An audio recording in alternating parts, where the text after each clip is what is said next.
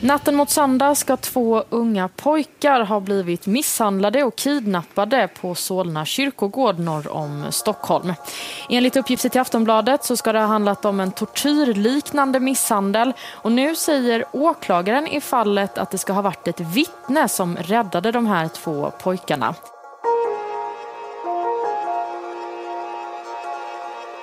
Tortyrnatten på kyrkogården startar runt 11 på kvällen och pågick nästan till 9 på morgonen. I nära 10 timmar var de båda tonårspojkarna gärningsmännens våld. De tvingades klä av sig nakna, läggas i en grop och fick utstå ytterligare förnedrande handlingar som åklagaren rubricerar som grov våldtäkt. En decemberkväll drygt ett halvår tidigare är 18-årige Liam på väg hem från sitt extrajobb. Plötsligt hör han springande steg bakom sig. Två unga rånare kommer ifatt honom.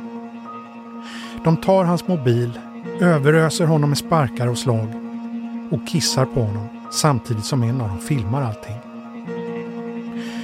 Två separata fall som har vissa uppenbara likheter. I båda fallen börjar det som personrån men utvecklas till något värre med grovt förnedrande inslag.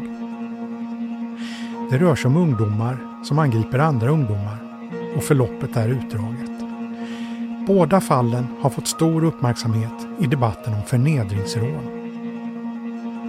I dagens avsnitt tänker vi titta närmare på det. Vi besöker rättegången i det uppmärksammade målet om tortyrnatten på kyrkogården. Och vi träffar Liam som nu ett år efteråt berättar om kränkningen och vad som hände sen. Du lyssnar på en podd från Aftonbladet Podcast med mig, Anders Johansson.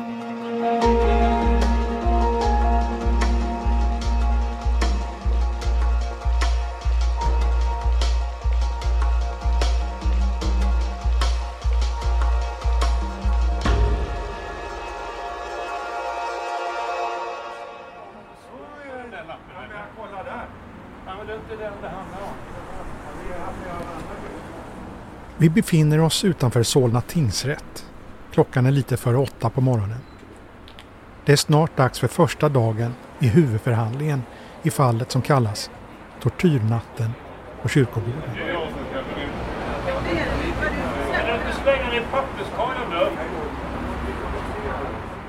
Utanför tingsrätten har det samlats en liten skara människor. Ett fåtal journalister och sen en grupp som delar ut flygblad och håller upp två banderoller. De förklarar att de är här för att protestera mot att det är för låga straff. Det blir lite tjafs med en förbipasserande som är av en annan åsikt. Nästan prick klockan åtta öppnar tingsrätten dörrarna.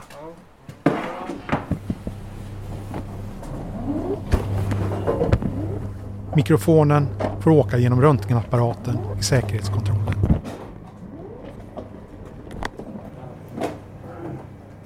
Sen får vi vänta knappt en timme innan huvudförhandlingen ska börja.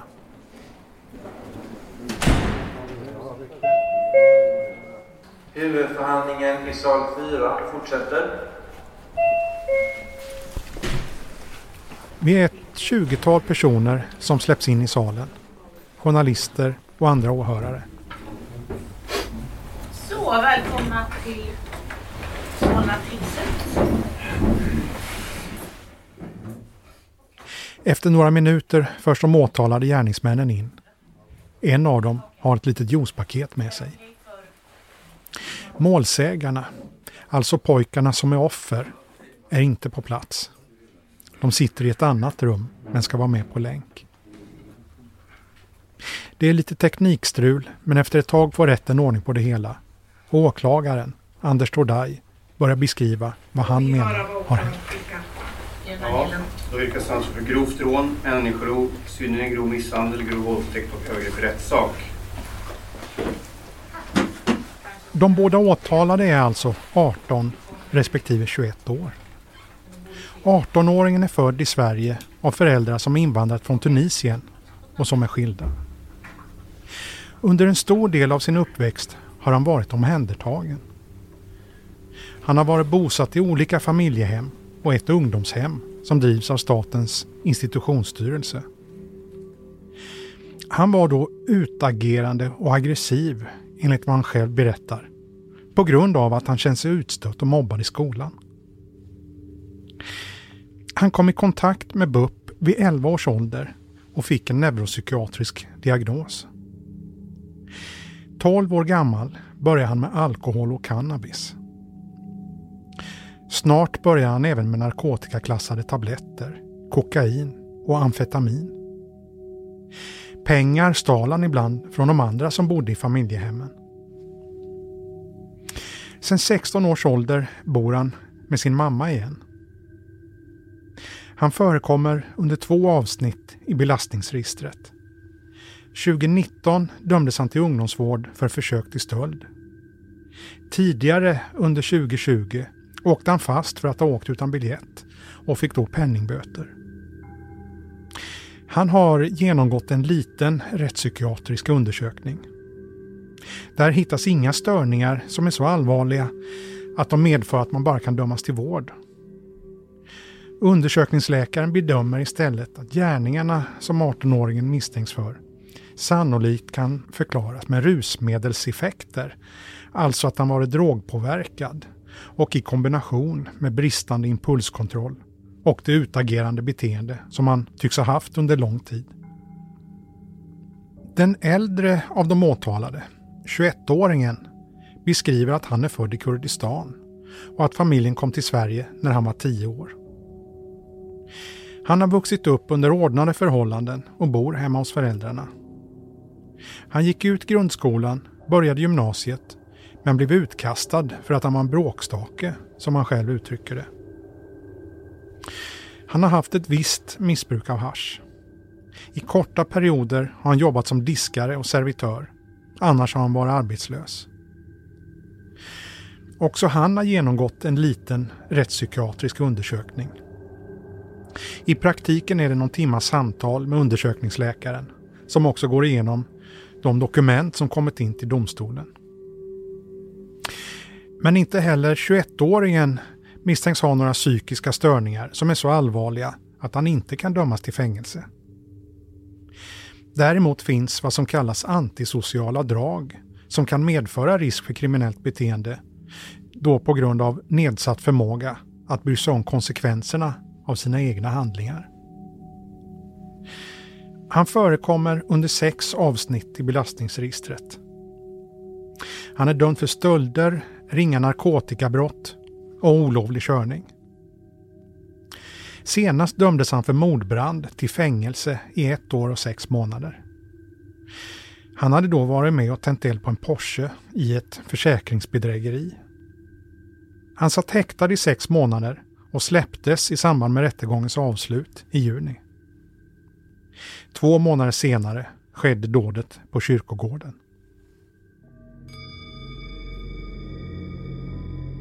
Den här kvällen i augusti var de två pojkarna, som är mellan 15 och 17 år, alltså på väg hem. De blev, enligt åklagarens gärningsbeskrivning, attackerade av de åtalade med sparkar och slag, fråntagna sina mobiler och plånböcker med bankkort. De tvingades med in på norra begravningsplatsen i Solna, blev misshandlade med spade, kniv, slag, sparkar brända med glöd eller eld, fasthållna, bundna med sina egna bälten, fick sina munnar och ögon övertäckta och tvingade att klä av sig. De blev sedan nedtvingade i gropar, övertäckta med grenar, gräs och löv och hotade med att de skulle bli levande begravda och få pinnar uppkörda i rumpan. Något som också genomfördes på en av pojkarna den gärning som åklagaren rubricerar grov våldtäkt. Syftet med hoten och våldet har inte helt kunnat klarläggas. Men åklagaren ser det som ett led i att försöka pressa fram pengar. Men i ett obevakat ögonblick på morgonen lyckades pojkarna fly från platsen och fick hjälp av förbipasserande. Polisen larmades och gärningsmännen kunde gripas kort därpå. Inledningsvis förnekar de båda misstänkta gärningsmännen brott. I förhören svarar båda två likadant på utredarnas sammanlagt 543 frågor. Om de inte skrattar eller tiger. Och svaret de ger är ingen kommentar. Men nu när målet ska upp för huvudförhandling låter det annorlunda. Tack. Vi kan höra inställningen i ansvarsdelen först. Vad ska vi börja med? Den yngre av de två fortsätter förneka all inblandning. Men 21-åringen meddelar genom sin advokat att han erkänner en del av brotten han anklagas för. Ja, han eh, medger att han varit på platsen. Han kommer medge vissa gärningar också. Och han erkänner då rån. 21-åringens advokat säger att hans klient erkänner rån och misshandel, men inte grov våldtäkt. Han menar att han inte varit på plats under långa perioder under natten och vet inte vad som hänt under den tiden. När advokaterna redogjort för hur deras klienter ställer sig till anklagelserna bestämmer chefsrådman Lena Hjelmtorp att resten av förhandlingen ska ske bakom stängda dörrar. Ja, då är det nog så att mot bakgrund av vilka åtalspunkter det rör sig så kommer tingsrätten hålla fortsatta förhandlingen inom stängda dörrar.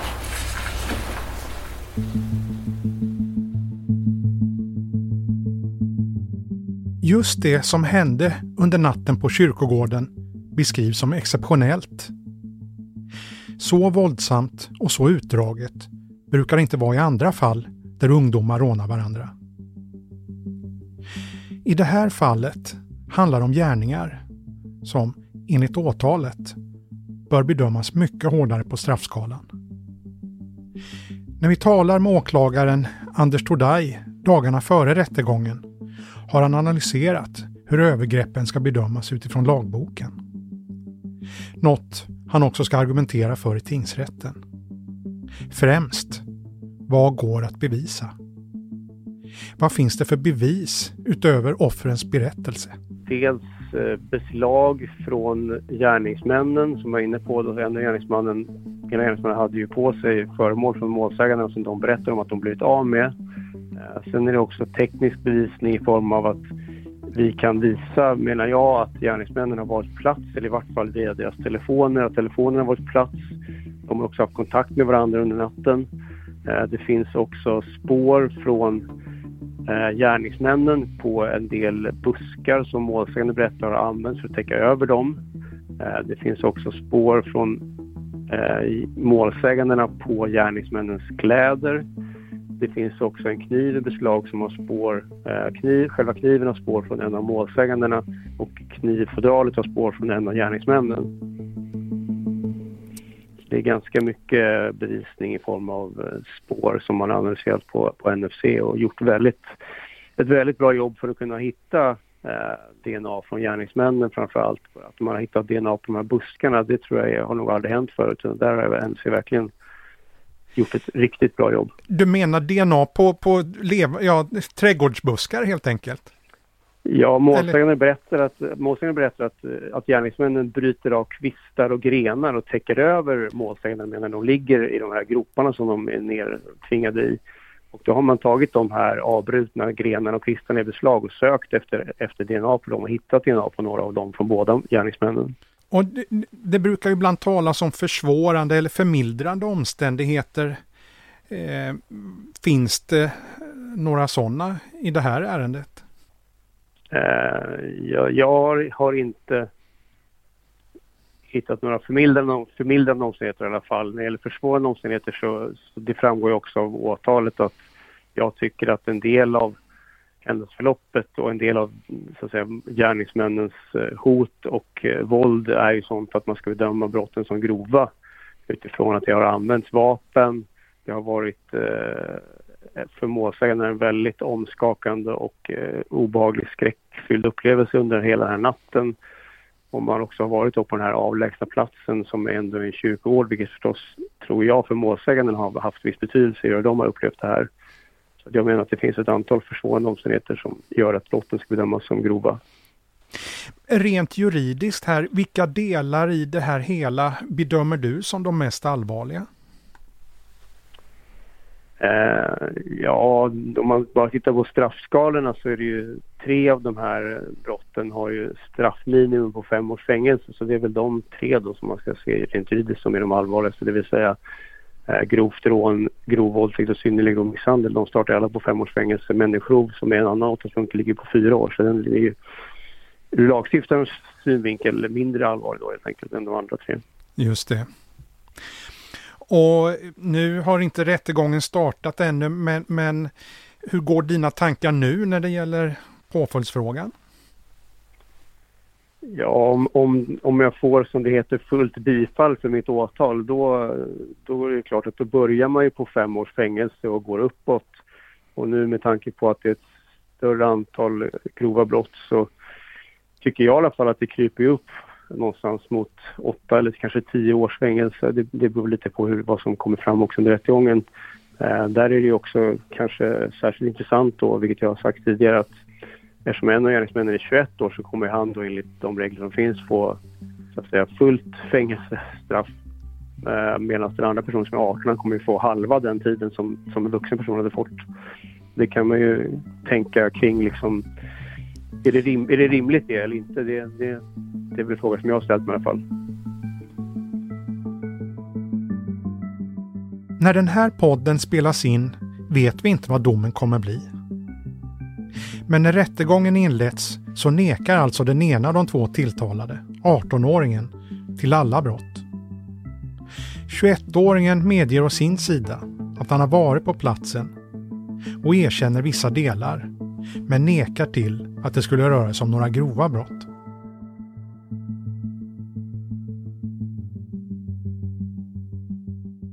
I augusti, när uppgifterna från tortyrnatten på kyrkogården nådde medierna, fick debatten om förnedringsrån och rån bland unga nytt liv. En debatt som kretsar sig kring många svårbesvarade frågor. Ökar den här typen av brottslighet? Vem är egentligen den typiske gärningsmannen? Och vad är drivkrafterna bakom? Sven Granat, som är kriminolog anställd vid polisen, menar att händelserna på kyrkogården innehåller en del element som är vanligt förekommande i den här typen av rån. För det första handlar det nästan alltid om en grupp. Det är en grupptrycksgrej som uppstår då och då eh, bland unga gärningspersoner, relativt unga, va, som har kanske levt också ganska, under en period med ganska mycket våld. Vad tycker de har rätt att göra det också? Men även om det nästan alltid är två eller fler som utför rån med förnedrande inslag så finns det ofta en tydlig ledare. Eh, så det är som en kombination där med grupptrycket. Men grupptrycket är ju jätteviktigt. Det är ju ingen som gör det här själv. Något annat som är ofta förekommande är en generell maktobalans. Ett ojämnt styrkeförhållande mellan gärningsmän och offren. Och det kan ju för sig vara som i det här fallet på kyrkogården att det kan vara liksom de, det, det behöver inte vara en numerär skillnad men skillnaden i våldskapacitet är väldigt stor. Liksom. Och då blir det här också, va? Så där, just det här väldiga övertaget. Just. Vilket ju också säger oss en del om att det handlar kanske om någon form av förakt för svaghet en tredje sak som Sven Granat framhåller är att de här brotten sällan verkar vara så planerade på förhand. Det är inte säkert man har en tanke egentligen, en rationell tanke på att få ut någonting av det hela. Va? Men möjligen kan man ha att man vill imponera, alltså imponera på varandra just då. Va? Och känna sig stor för ett tag, för en stund. Eh, det är inte så mycket mer kanske egentligen än så. Va?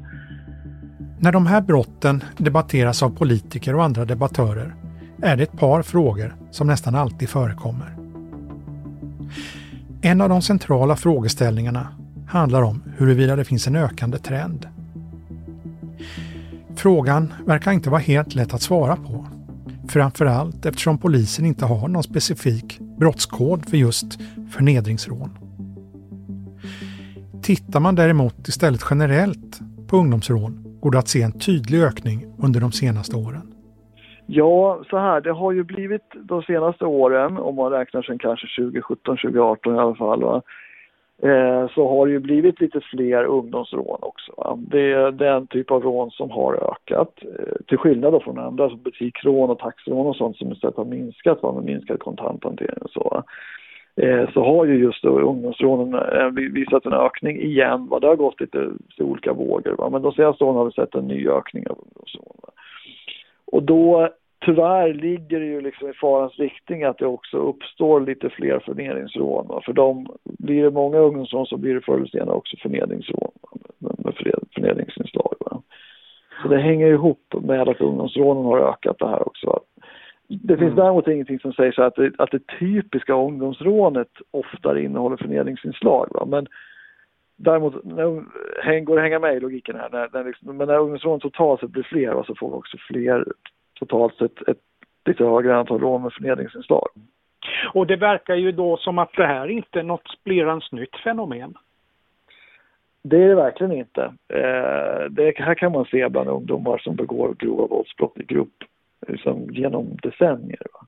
Sen kanske det kan ta sig lite nya uttryck och liksom lite ny kostym på det hela. Va? Det är klart att vi sen, ja, på början på 90-talet kunde det vara skinnskallar och ibland har det varit liksom kanske man har gett sig på snarare äldre handikappade personer. Va? Det, ibland är ingången att man ska försöka sälja narkotika. Det, det, liksom, och det kan ske, som platserna kan variera och, och så va. Och typen av, av liksom, så att säga, yttre attribut och stilen på gärningsperson, vilken subkultur de till, alltså i, i ytlig mening tillhör. Va? Det varierar ju, förändras ju såklart, men själva fenomenet, grund, grundkonceptet, det, det, ja. är, det är inget nytt. Va? En annan fråga som återkommer i debatten om förnedringsrån gäller etnicitet. I flera uppmärksammade fall har gärningsmännen haft invandrarbakgrund samtidigt som offren haft svenska rötter.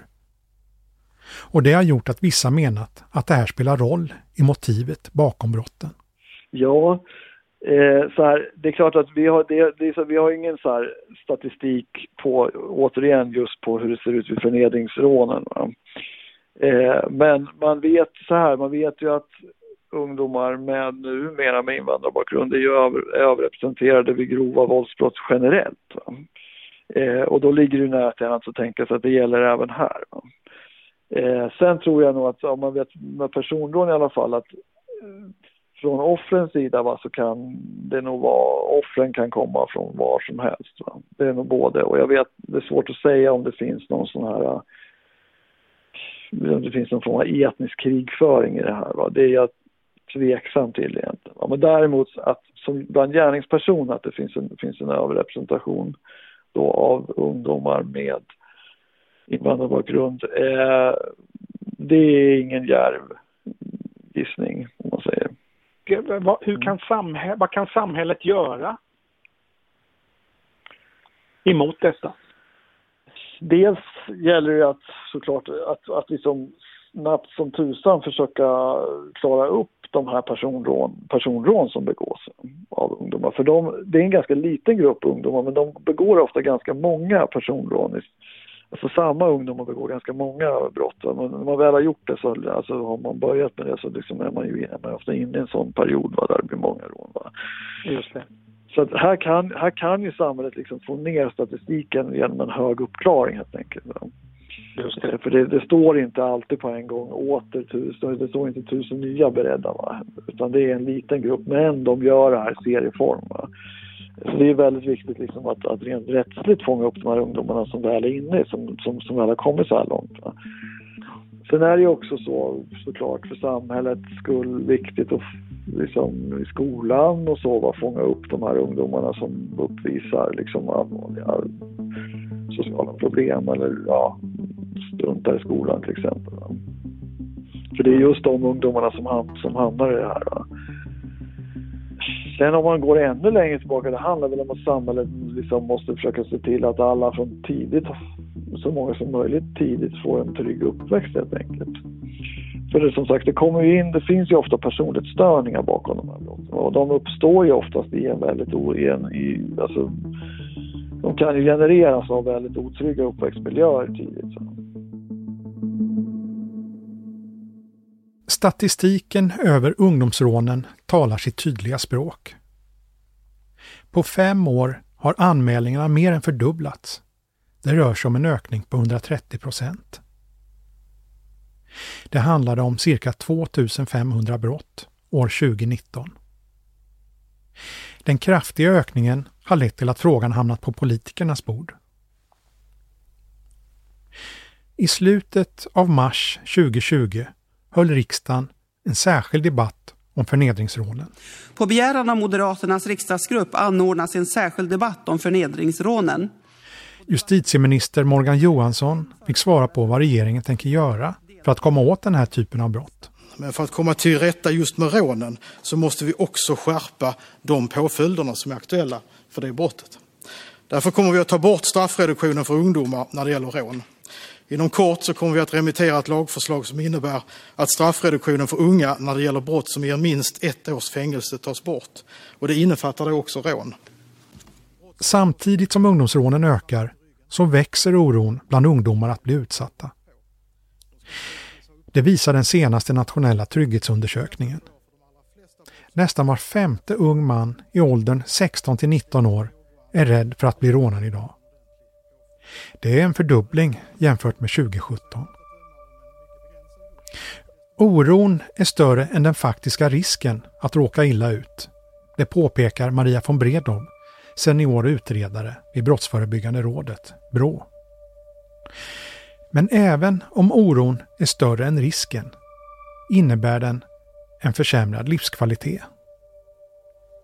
Sammantaget har situationen lett till att Brå tagit initiativ till en särskild studie av ungdomsrånen och då bland annat undersöka rån med förnedrande inslag.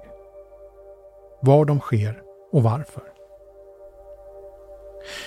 Brå ska även kartlägga vad offer och gärningsmän har för bakgrund, var de bor och om de till exempel är födda i utlandet eller är barn till invandrare. Svaren ska presenteras hösten 2021. Ett av de rån som kommer ingå i Brås kartläggning skedde för knappt ett år sedan. Då var 18-årige Liam på väg hem från jobbet en kväll i december.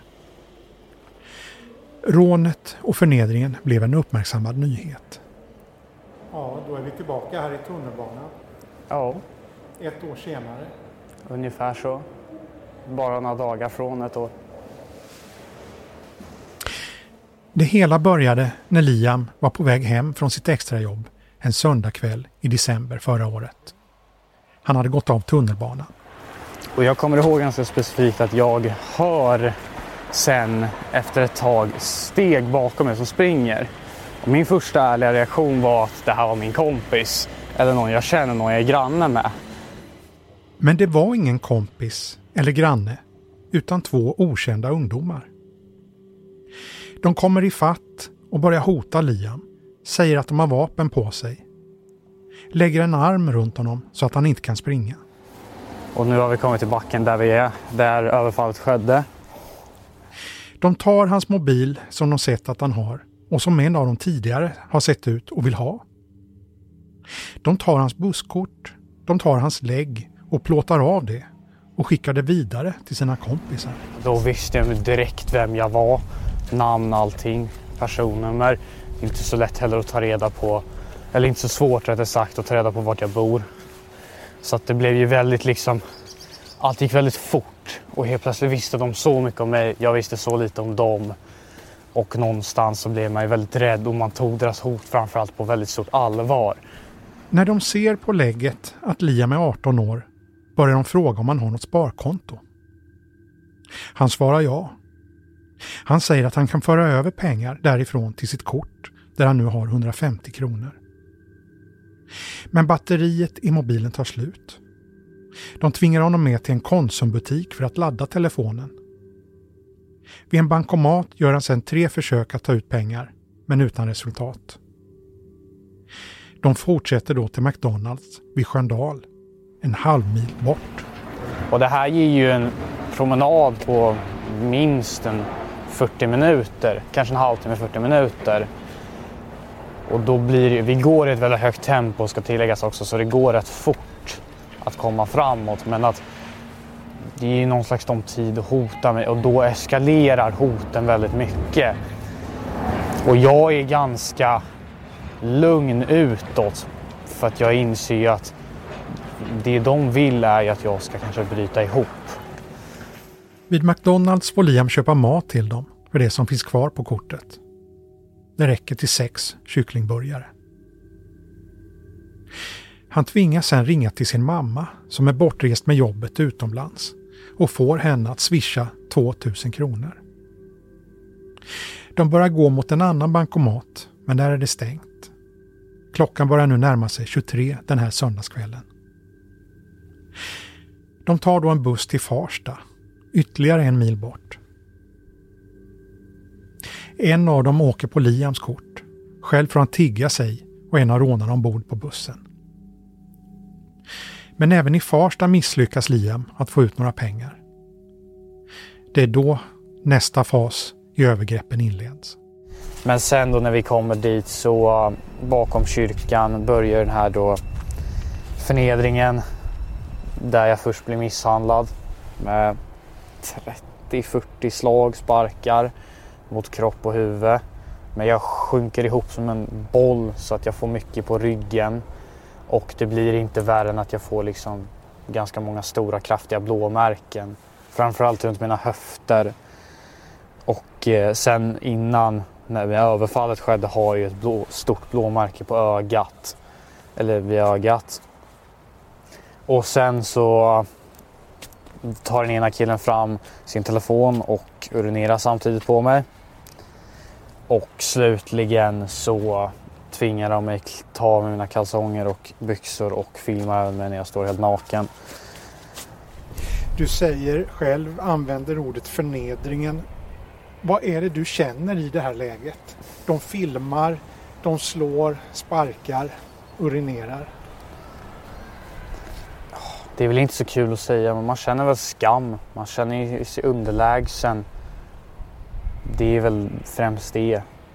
Jag, jag försöker inte reflektera så mycket över förnedringen egentligen och tänker att det har hänt men jag vill bara glömma det ungefär. Men att det är klart i stunden känner man ju skam och man känner sig underlägsen. Och man känner sig så som ordet låter, man känner sig förnedrad. Hur verkade de tycka om själva situationen? Det framgår ju i den film som spreds på sociala medier att de skrattar och de eh, använder glåpord. Vad säger de? Mammaknullare, svennejävel, horunge och rent ut sagt så de verkar ju på något sätt njuta. De skrattar ju ändå och det är ju någon slags, de finner ju glädje i det. Så att jag vet inte riktigt vad man ska säga om det mer än att det, den, det, det, den videon som finns säger ganska mycket, tyvärr. Men att jag försöker som sagt, som jag sa, bara glömma och gå vidare. De två gärningsmännen lämnar Liam när de får syn på en kille som börjar närma sig.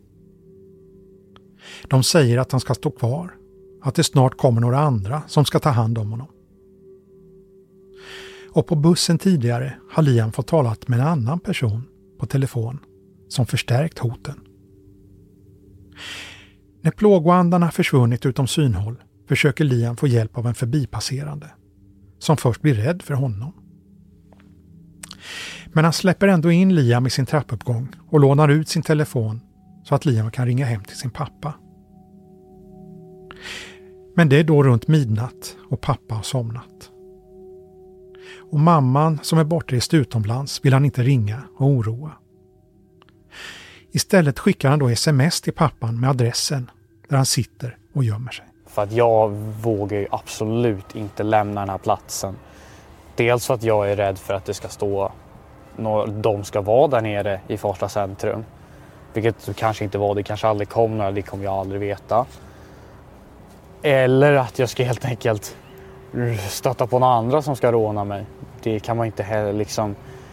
Ja, klockan är ju mycket och det är svårt att tänka något annat när det här precis har hänt. Liam sitter i trapphuset hela natten ända till morgonen. Och sen tar jag hjälp av en annan kille som kommer hem från jobbet som har jobbat natt antar jag. Och han väntar med mig i kanske tio minuter och sen kommer pappa som har, för jag har skickat via ett sms adressen. Adressen ja. Och han kommer dit och så fort jag ser min pappa brister det. För det är någon slags, jag vet inte hur man ska formulera men tecken på att man har, finns mänsklighet. Det är någonting familjärt. Det är något jag känner till. Det är någon som är där för mig, någon som älskar mig. Gärningsmännen har hotat Liam så mycket att han först inte vill berätta vad som har hänt. Eller ens göra en polisanmälan. Men efter samtal hemma gör han ändå en anmälan och polisen inleder sin utredning. Han bestämmer sig också för att berätta för andra. Jag väljer att kontakta några kompisar. Jag, tänk, jag ringer först en kille på morgonen från min klass redan. För jag utgår ifrån att jag inte kommer komma tillbaka till skolan på ett tag.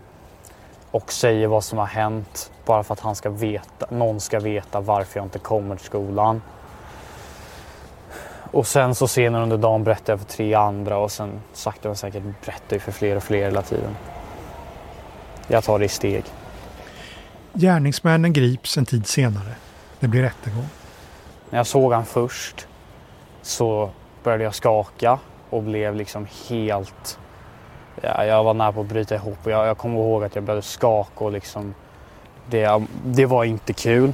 Men att efter en liten stund det, lilla, det, det gick över, då kändes det ganska lugnt. Och då blev det ungefär som att han blev en del i mängden.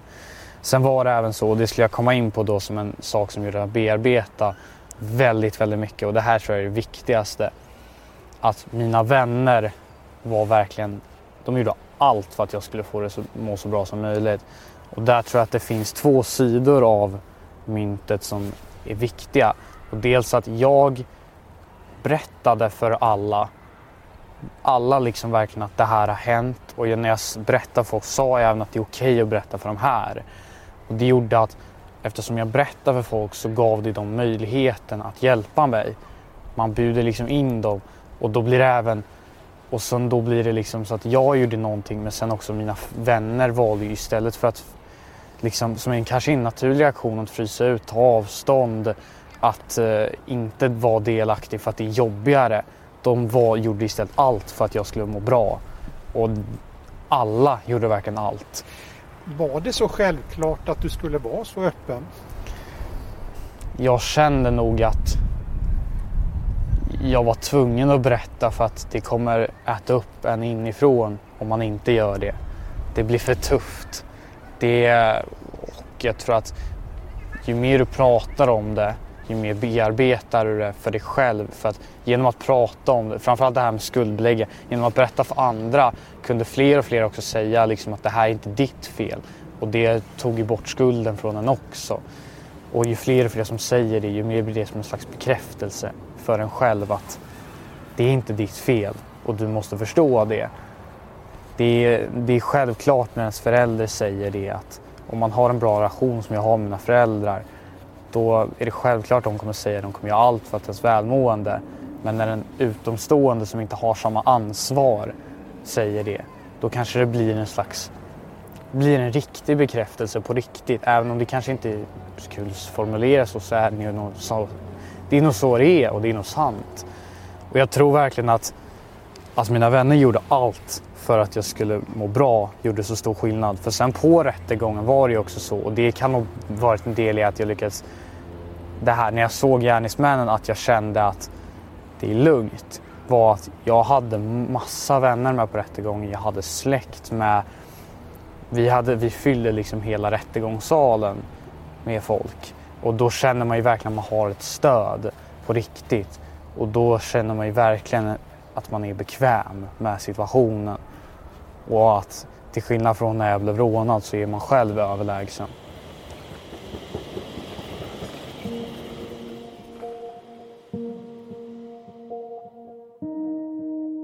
De unga förövarna var bara 16 år.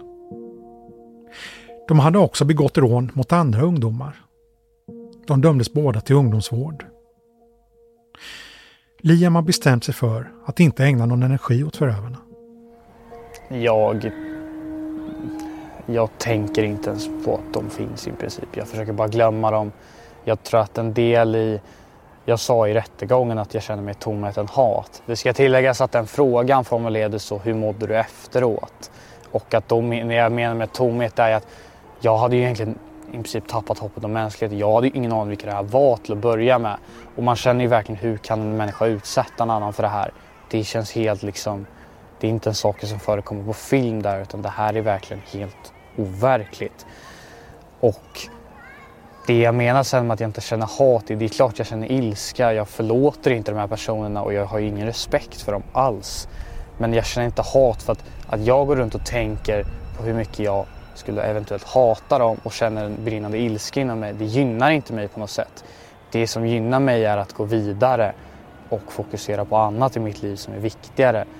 För att det blir bara jobbigt och kan äta upp en inifrån och hela tiden fokusera på hur mycket man hatar de här människorna. Så då känner jag att jag bara, för mig så, de finns liksom inte. Jag försöker tänka så. Att liksom, det här har hänt men jag går bara vidare och tänker inte på det. Hur har hela den här händelsen förändrat dig, tror du? Jag har tänkt på det här ganska mycket. Och jag tror att en självklar sak som är för alla, en del runt omkring men alla som är offer tror jag att man är mer uppmärksam, man är mer försiktig, man tänker sig för, man är på sin vakt på något sätt. Jag går aldrig, som jag pratat om till exempel med hörlurar, airpods i öronen sent på kvällen. Jag kollar aldrig ner i telefonen när jag går någonstans. Jag kollar alltid mig runt omkring, är lite misstänksam, tar, in, in, tar inte allt som att det självklart är lugnt hela tiden. Det är en, men det är en ganska självklar reaktion. Men det som jag tror har förändrat mig stort på riktigt det är att jag har närmare till mina känslor.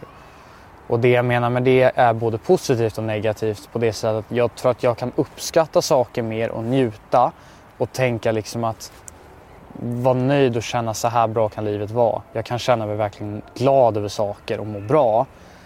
Jag kan däremot ha lättare att bli aggressiv. Jag tror att jag lättare när jag spelar match kan bli upprörd, irriterad. Jag tror min stubin på det sättet är kortare. Jag har nog även lättare att bli ledsen. Jag tror även också att jag kan känna mig medlidande. Och det kan jag känna själv att när jag läser om saker som hänt andra, saker som liknar mig, kan jag känna ett fysiskt dåligt mående på det sättet att jag kan liksom känna verkligen att jag blir, jag blir ledsen och jag undrar verkligen hur man mår. Jag kan liksom nästan skaka av tanken, exempelvis det här förfärliga som hände i Solna. Och när man läser om det som hänt så blir man ju kusligt rädd för hur likt upptakten av båda de här rånen är. Att det börjar, allting börjar med ett rån och att det är hot mot folk, det är att man ska inte anmäla till polisen, det är hot mot ens familj och sen att det eskalerar och blir någonting man inte ens kan föreställa sig. Och man blir en, jag blir ännu räddare av tanken och något som jag verkligen inte försöker tänka på nu efter att ha läst det här. Vid ett tillfälle pekade en av gärningsmännen in mot Skogskyrkogården och sa, sa till sin, den andra förövaren, ska vi gå in och slå ihjäl han här? Och då vill, det vill man inte ens tänka på.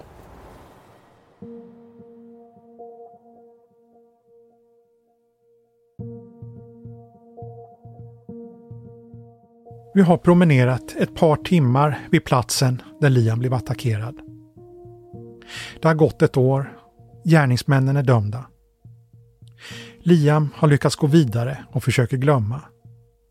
Men han tycker samtidigt att det är viktigt att berätta. Jag vill ju främst berätta för att jag vill ju uppmärksamma det och jag vill fram, verkligen uppmana människor som är utsatta eller har blivit utsatta att polisanmäla. För att även om det inte blir någon blir dömd så kommer det tillföra någon slags statistik på något sätt. Det kommer ge en bättre verklighetsbild för alla runt omkring och det kommer även göra att fler blir engagerade och känner att man vill motverka det här. Och det är ju något som måste ske för allas säkerhet. Jag känner även att jag vill ge hopp till folk som mår dåligt.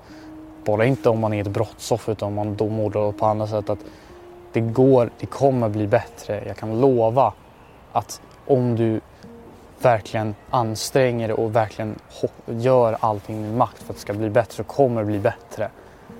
Och det, det kan verkligen bli bättre. Man kan, jag är ju, klart jag är rädd för livet på, vissa, på något sätt. Och det är inget konstigt, det skulle varje säkert psykolog hålla med om att det är ingen konstig reaktion. Men att verkligen att du kommer må bättre och du kanske mår ännu bättre. Det, ingen kan veta det, men att det kommer bli bättre. Och jag vill verkligen, verkligen sträcka mig ut och hopp, liksom, försöka få folk att känna det hoppet på något sätt.